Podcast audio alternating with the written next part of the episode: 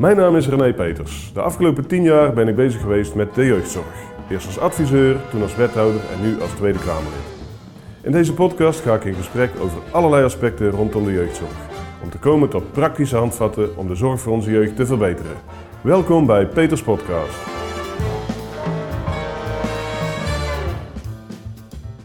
Welkom bij, uh, bij deze podcast. Vandaag hebben we een gesprek met Jadi Loze.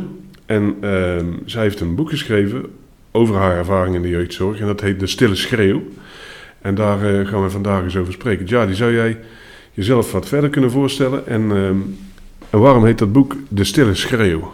Ja, ehm, nou, ik ben dus uh, inderdaad, heb een aantal jaar gewoond in jeugdzorg. Dat boek heet De Stille Schreeuw eigenlijk uh, omdat bij mij thuis was het heel erg heftig.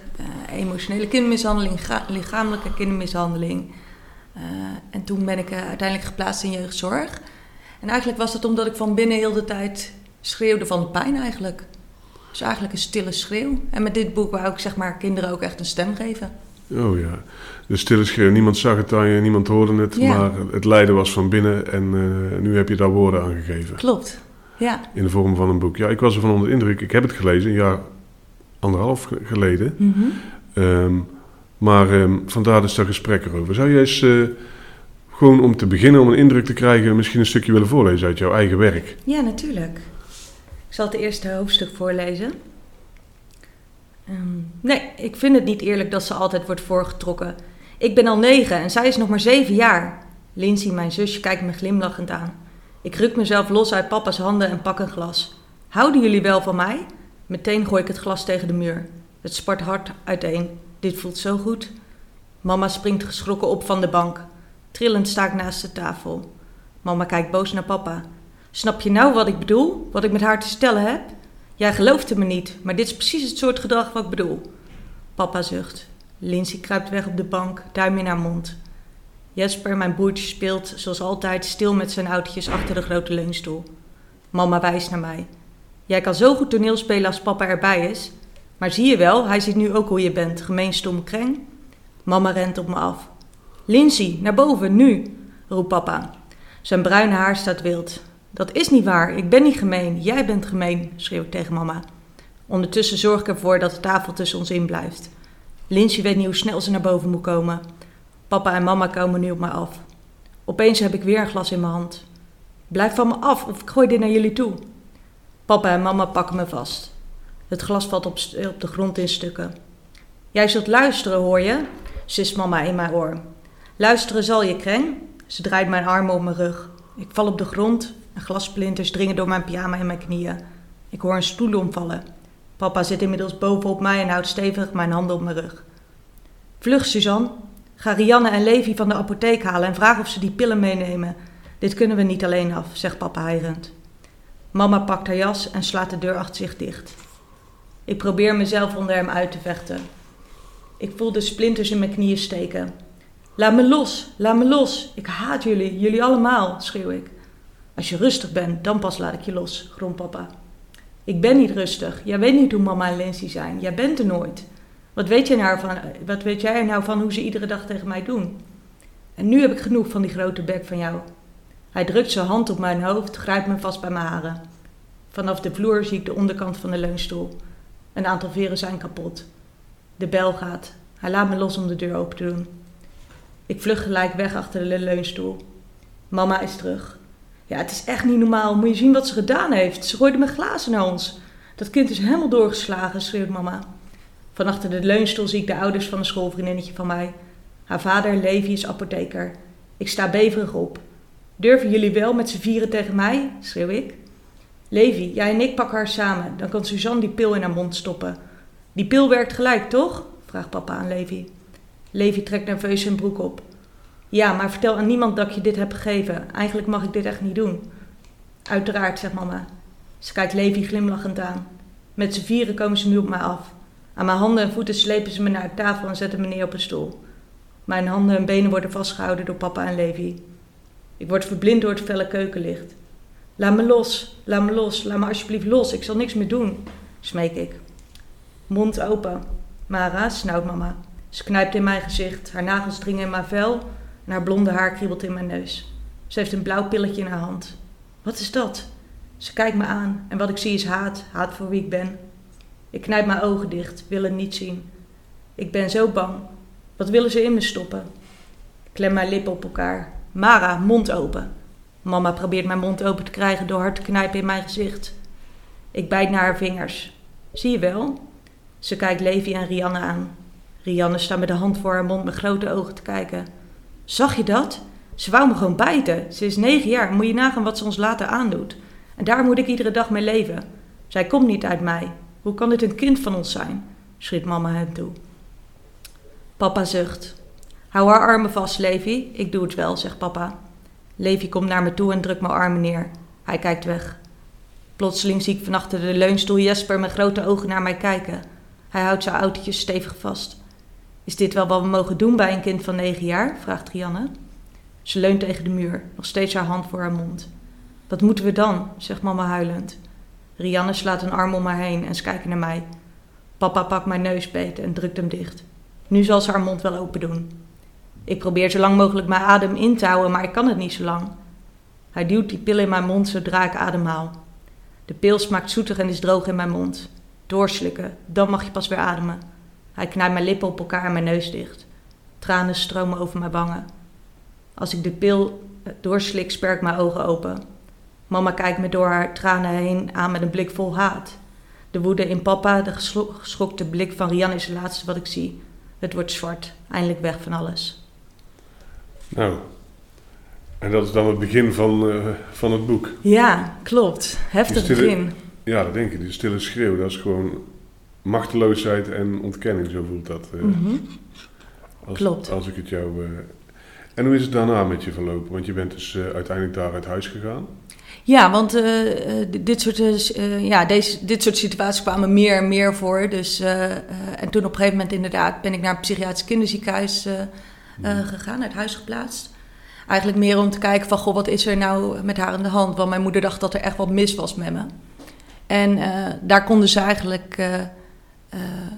dus zit je dan drie maanden zeg maar voor, ter observatie om te kijken van wat is er dan aan de hand. Mm Maar dat is echt bizar, want dan kom je daar in één keer met een separeerkamer, een time-out kamer, sloot op de mesla. Dat is echt heel bijzonder om te zien als je tien jaar bent. Mm Ja. Ja, dat lijkt me inderdaad onwerkelijk. Ja. En daar weet je niet, werd je daar beter van? Um, werd ik daar beter van? Want je hebt, ze hebben je drie maanden dus geobserveerd en, en dan? Want je blijft daar ook niet eeuwig. En nee, klopt. Bieden ze dan ook hulp? Gewoon, eh, of? Nee, het was echt ter observatie. En ik had wel gesprekken dan uh, één keer in de week of één keer in de twee weken met een psychiater dan. Um, en langzaamaan begon ik dan wat dingen te vertellen wat er thuis was gebeurd. En uh, um, ja, voor de rest woonde ik daar. Zat ik daar op een interne school ook. En uh, woon ik in een andere stad dus. Oké. Ja. En daar ben je ook weer weggegaan? Daar ben ik ook weer weggegaan, ja. Uh, en toen had ik inmiddels het etiket ook zware hechtingsproblematiek. Uh, mijn ouders die wilden mij niet terug namelijk thuis hebben. Um, en ik had, ik denk ook wel dat ik hechtingsproblematiek had, maar er stond letterlijk in mijn dossier van met ja, die kan je geen band aangaan. En toen ging ik dus naar een ander kinderthuis.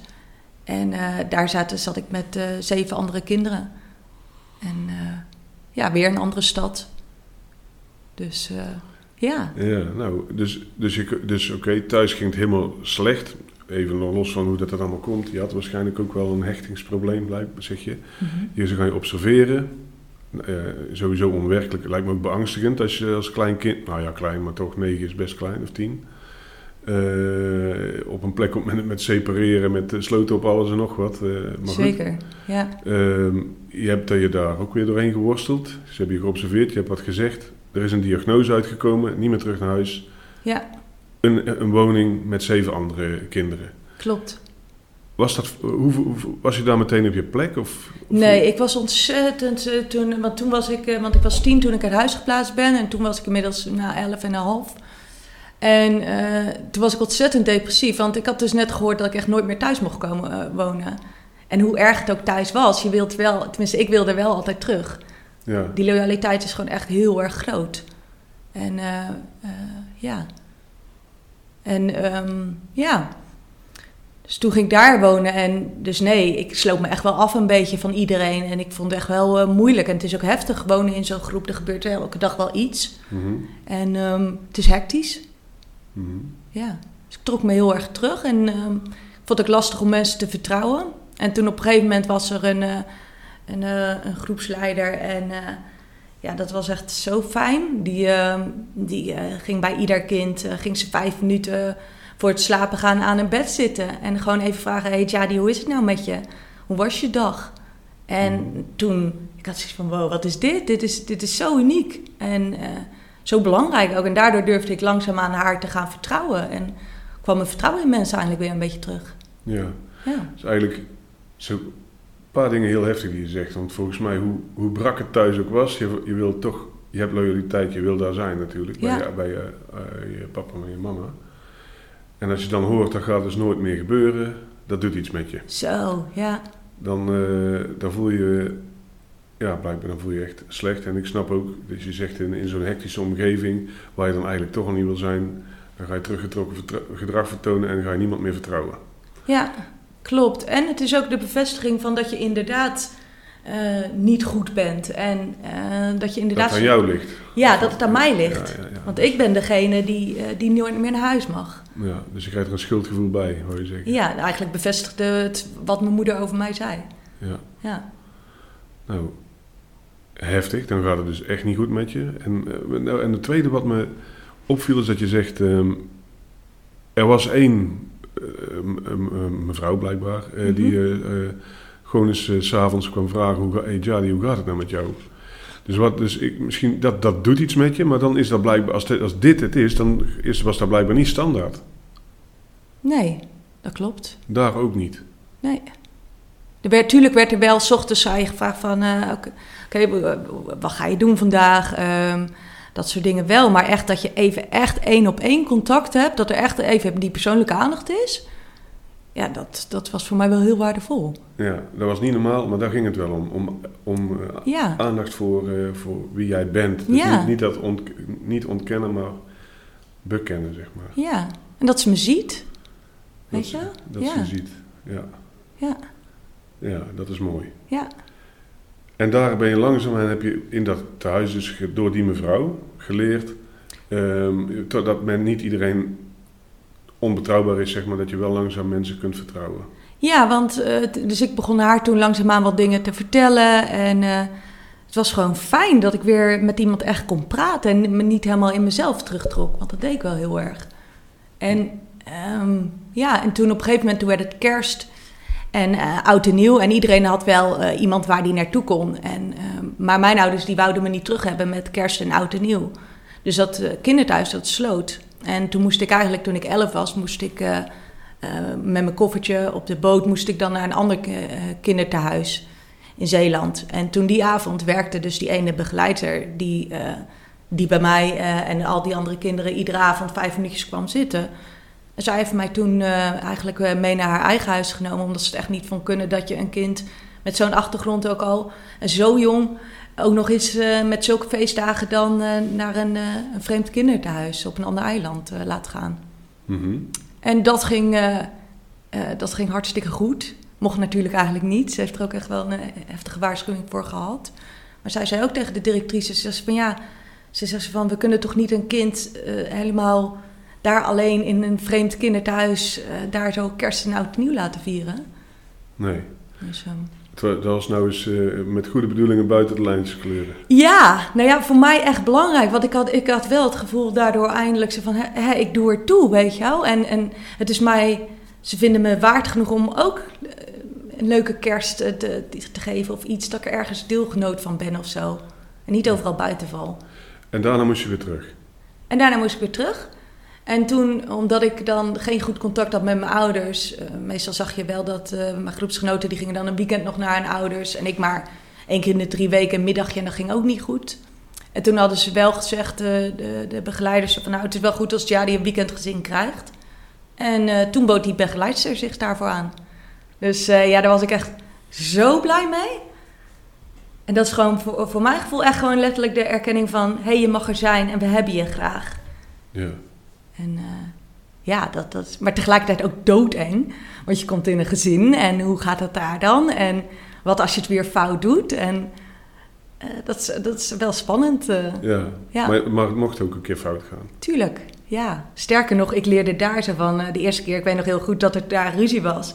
Ik zat er echt als bevroren, want ik denk, nu, Nu ontploft het. nu ontploft het, want dat was ik gewend. En, dus ik zat helemaal bevroren op de bank. En het was bizar, er was, eh, eh, het werd gewoon uitgepraat.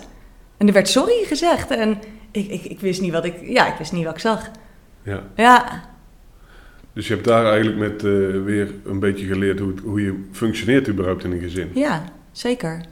Hm. Ja, ja, klopt.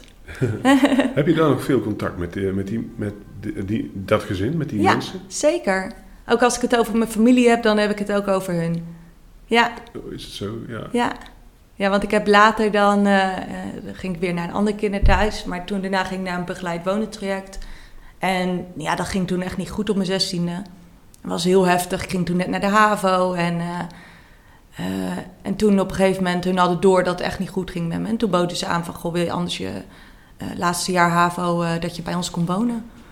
Nou, en dat heb ik toen echt wel eh, aangegrepen. Toen kreeg ik daar echt een eigen kamer en eh, zo fijn.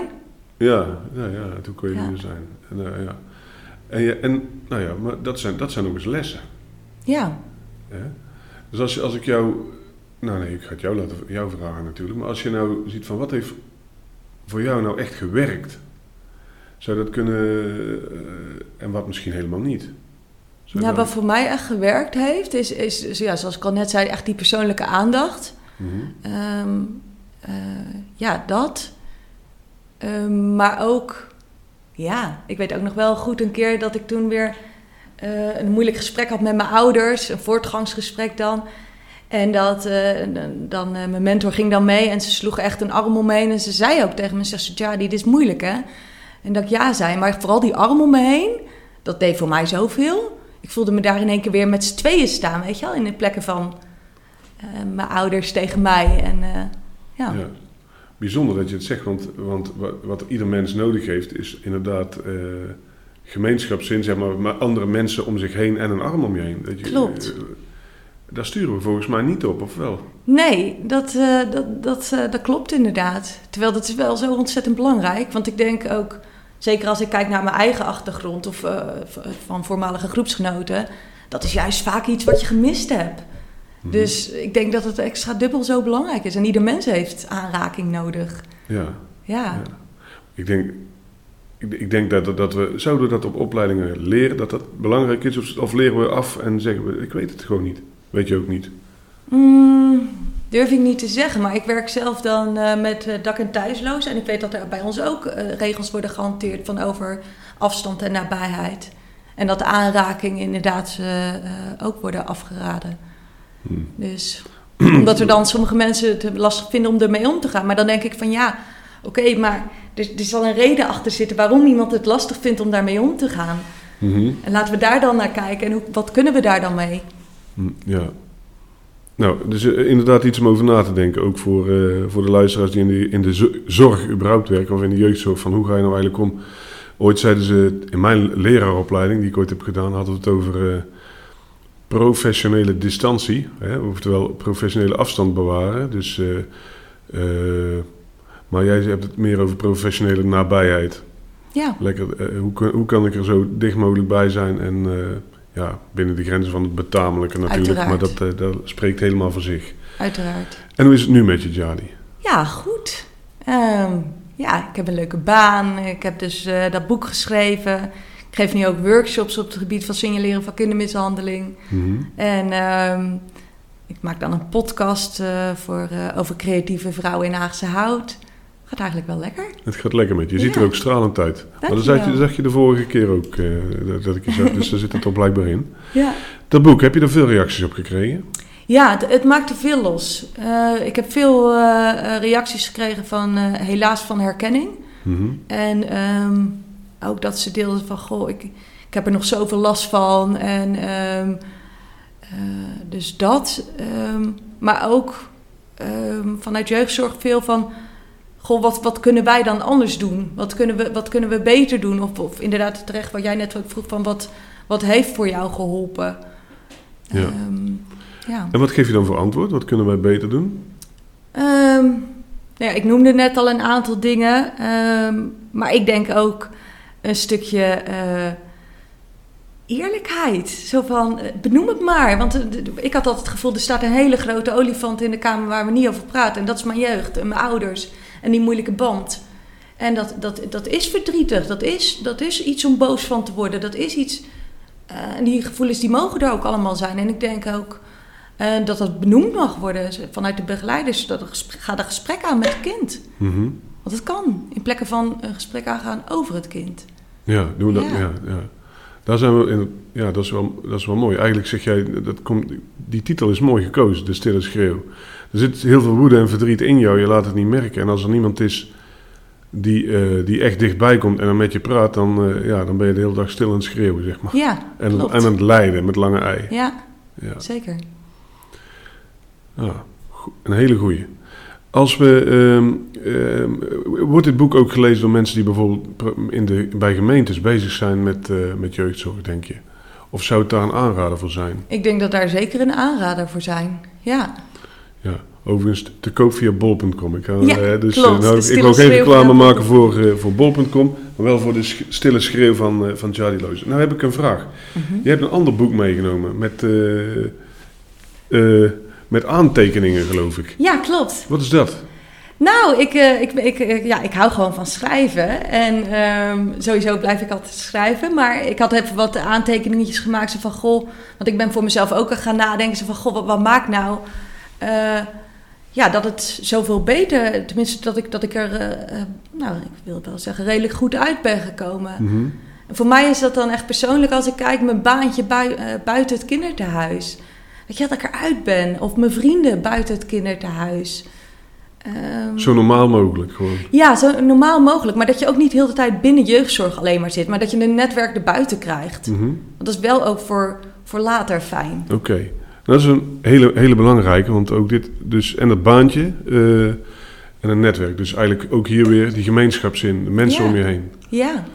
Maar andere mensen dan in, in dat kinderthuis. Of binnen jeugdzorg, zeg maar. Ja, andere Want ja, op je achttiende moet je het ook alleen doen. Ja, dus begin al vanaf dag één met het eh, uitbouwen van je netwerk met mensen ook buiten de zorg. Ja, zeker. Want ik Mhm. weet nog heel goed dat toen in eh, het psychiatrisch kinderziekenhuis had ik ook een eigen moestuintje. Mhm. Nou, dat vond ik zo leuk, want dan ontmoet je ook weer andere mensen. En je bent ook echt, echt wat aan het laten groeien. En je bent er zelf eigenaar van. Ja, Dat ja, vond ik ja, echt wel heel erg leuk. Ja, ben bezig. Ja. Je bent bezig. Ja. Je hebt een reden om je bed uit te komen. Ook betreft. dat? Ja, maar ook om je gedachten vooral even te verzetten. ja ben je, is, dat zo, dat kan ik is dat zo? Ben je eigenlijk dan als je... Was je de hele dag bezig met je problemen als je binnen zat? Nee, niet met je problemen. Ik was meer bezig met andermans problemen. Maar ja, want ik luisterde altijd heel veel naar mijn groepsgenoten en zo. Wat gebeurde er altijd zoveel. En iedere dag was wel iemand boos of verdrietig. En eh, eh, je bent er wel veel mee bezig. Maar Ja. ik probeerde zelf zo min mogelijk juist met mijn dingen bezig te zijn, maar meer met anderen. Mhm. Ja, Ja, dat, was een, dat is eigenlijk een hele prikkelrijke omgeving. oh, Ja. het was niet normaal. Ja. Ja, voor mij was ook letterlijk van dat eh, in in weekendgezin letterlijk bijkomen, ademhalen. En dat ik dan weer onderging als ik weer terugging. Ja, Zo, ja, dat is heftig. Dat moet er ook anders kunnen, zou ik zeggen. ja. Ja, Ja. ja dat klopt. je zou zeggen, ehm, eh, als je thuis uit een hele heftige situatie komt, dat je juist tot rust komt bij, bij zo'n eh kinderthuis of hoe het heette, waar je dan zat. Maar blijkbaar gebeurde dat niet. Nee, en het is ook nogal heftig als je iedere twee jaar moet verhuizen, zeg maar. En alles weer eh, acht jaar later opnieuw moet opbouwen. Oh, is dat ook, moest dat ook gebeuren? Nou ja, ik, ging, ik was in Vlissingen opgegroeid. Ging toen naar Goes, toen was ik anderhalf jaar. Toen ging ik weer naar Middelburg. En toen kon ik gelukkig wel op dezelfde school blijven, want toen verhuisde ik binnen Middelburg. Mhm. Eh, maar ik hoorde van kinderen dat ze echt van die stad naar die stad naar die stad. En dan elke keer een andere school. Ja, dat doet wel wat met je. Mhm. Ja, Dus nou, de, de, lessen, de lessen stapelen zich op. Schuif niet met een kind als, eh, geen kind als een hete aardappel door het Ja, systeem en door het zeker. land. Ja. Zorg dat hij een netwerk heeft met mensen waar hij zich gewoon wel kan hechten. Kan leren hoe het, het echte leven ja. ook buiten de zorg eh, plaats kan vinden. Dus ga er niet mee lopen schuiven. Eh, en vooral redeneer ja, vanuit, van een kind als een persoon, als een mens behoefte heeft aan contacten en gezien te worden. Ja. Ah, joh, het is toch zo simpel? Ja, dat zou je wel zeggen, hè? Ja. Ja, ja. Ja. ik vraag me wel af van soms wel, waarom doen we dat niet? Ja, ik ook. Ja. Ja. Als jij nu, ehm, ge- want jij bent zover ik weet niet politiek actief, Nee. Eh, maar eh, misschien kun je wel verplaatsen in gemeenteraadsleden die dit ehm, allemaal eh, horen. Die, ehm, wat zou nu tips zijn aan deze aan gemeenteraadsleden die dit moeten sturen of moeten, moeten controleren? Zou je, wat zou jij daar tegen hen willen zeggen? Ja, het allerbelangrijkste, ga eerst maar eens even met, met de kinderen praten. Praat met kinderen. Ja, pra- praat met degene over wie het gaat. Want ja, zij, zij zijn de beste adviseurs, denk ik zo. Ja, dat denk ik eigenlijk ook. Ja, Praat eens met die, gewoon eens met die kinderen. ja. En er niet over wat je allemaal kunt bedenken in systemen, ja, maar praat, eh, praat met ze. want de oplossingen zijn niet zo moeilijk, denk ik zo. Van, eh, tenminste, weet je, als je dat dan hoort, als, als ik het dan mezelf zo hoor vertellen van nou, persoonlijke aandacht, een stukje dit, een stukje dat, dan denk ik, ja, waar hebben we het over? Weet je? Maar blijkbaar kunnen we dit niet regelen. Ik heb, Nee. eh, terwijl het ligt allemaal zo voor de hand inderdaad. Ja, Want van een beetje, een beetje liefde knapt iedereen op. ja, Vrij logisch. Hè? ja. Ja. Die, die puzzelt me trouwens wel, want wij hebben eh, echt... ehm, ik denk dat we, eh, dat we het zo niet organiseren, maar dat we het organiseren langs hele andere lijnen. Eh, langs, eh, ehm, en dat we, dat, dat, dat we een dossier bezig zijn met een dossier in plaats van met een mens, soms. Klopt. Ja. Ik had nog, één, nog één anekdote gehoord laatst. Ik was hier in de Nieuwsport, werd een ander boek gepresenteerd. En daar vertelde, dat boek dat ging over eh, mijn eh, jeugdzorgkind of zo. Waar je dan als, als begeleider veel van had geleerd. Mhm. Er was nogal veel. Maar er werd ook, ehm, eh, op een gegeven moment zeiden ook, kwamen ook die jongeren dus aan het woord. En die zeiden, mijn jeugdwerker. Wat heb ik ervan geleerd? En daar heeft me echt, ik kreeg, ja, ik ben een emotionele jongen, iets te snel misschien. Maar er was één, één meisje en die zei, die en die persoon die, die heeft mij het meest geleerd. En waarom? Die zette altijd de juiste kaneelthee voor mij. Ah ja, ja, Ja, die zag mij dus. klopt. Die wist dat ik kaneelthee eh, dronk in plaats van dat hij week in week uit moest vragen wat, ik, eh, wat drink je eigenlijk, weet je. Hij had aandacht voor mij. Ja, Voor mij. En dat was hij niet gewend. nee, Ja. Nou, klopt. Het zijn die ogenschijnlijk kleine dingen die zo ontzettend waardevol en belangrijk zijn. Hm. Want ja, ik herinner mezelf ook nog een, een schoolmeester dan. Die, die kwam langs met een schoolschriftje van eh, allemaal klasgenootjes. En dat weet ik v- eh, s- eh, 25 jaar da- na dato nog. Dus dat zijn zulke unieke, bijzondere dingen. Ja, Waardevol. dat zijn ja. de waardevolle, gewone, normale dingen. Ja. Jadi, nou, nou komen we bijna aan het einde van van deze podcast alweer. Ehm, jouw boodschap is eigenlijk verrassend eenvoudig. Praat met kinderen. Ja. Stuur niet met dossiers die je eh, door het land kunt schuiven, maar eh, eh, zie kinderen en schuif ze niet als hete aardappel rond. Ja. Maar, maar zet ze ergens neer. Werk aan netwerk buiten de zorg. Want dan ben je niet de hele dag bezig met je eigen problemen. Of in jouw geval dan met de problemen van een ander. ja, Hè? Dus dat zorgt voor afleiding, dat zorgt voor gemeenschapszin, zorgt voor, ja, voor een reden om je uit bed te komen eigenlijk inderdaad. En vooral zie het kind. ja, Jongen, jongen. ja. Ik vind het, eh, ik vond, ik vind het een indrukwekkend en simpel verhaal misschien. Maar volgens mij eh, wel precies waar dat het om gaat. Dankjewel. Ja, graag gedaan. Ja. Jij bedankt voor dit gesprek. Dank je voor het luisteren naar dit gesprek. Ik hoop dat je het interessant gevonden hebt. Delen mag, vergeet je niet te abonneren en tot de volgende aflevering van Peters Podcast.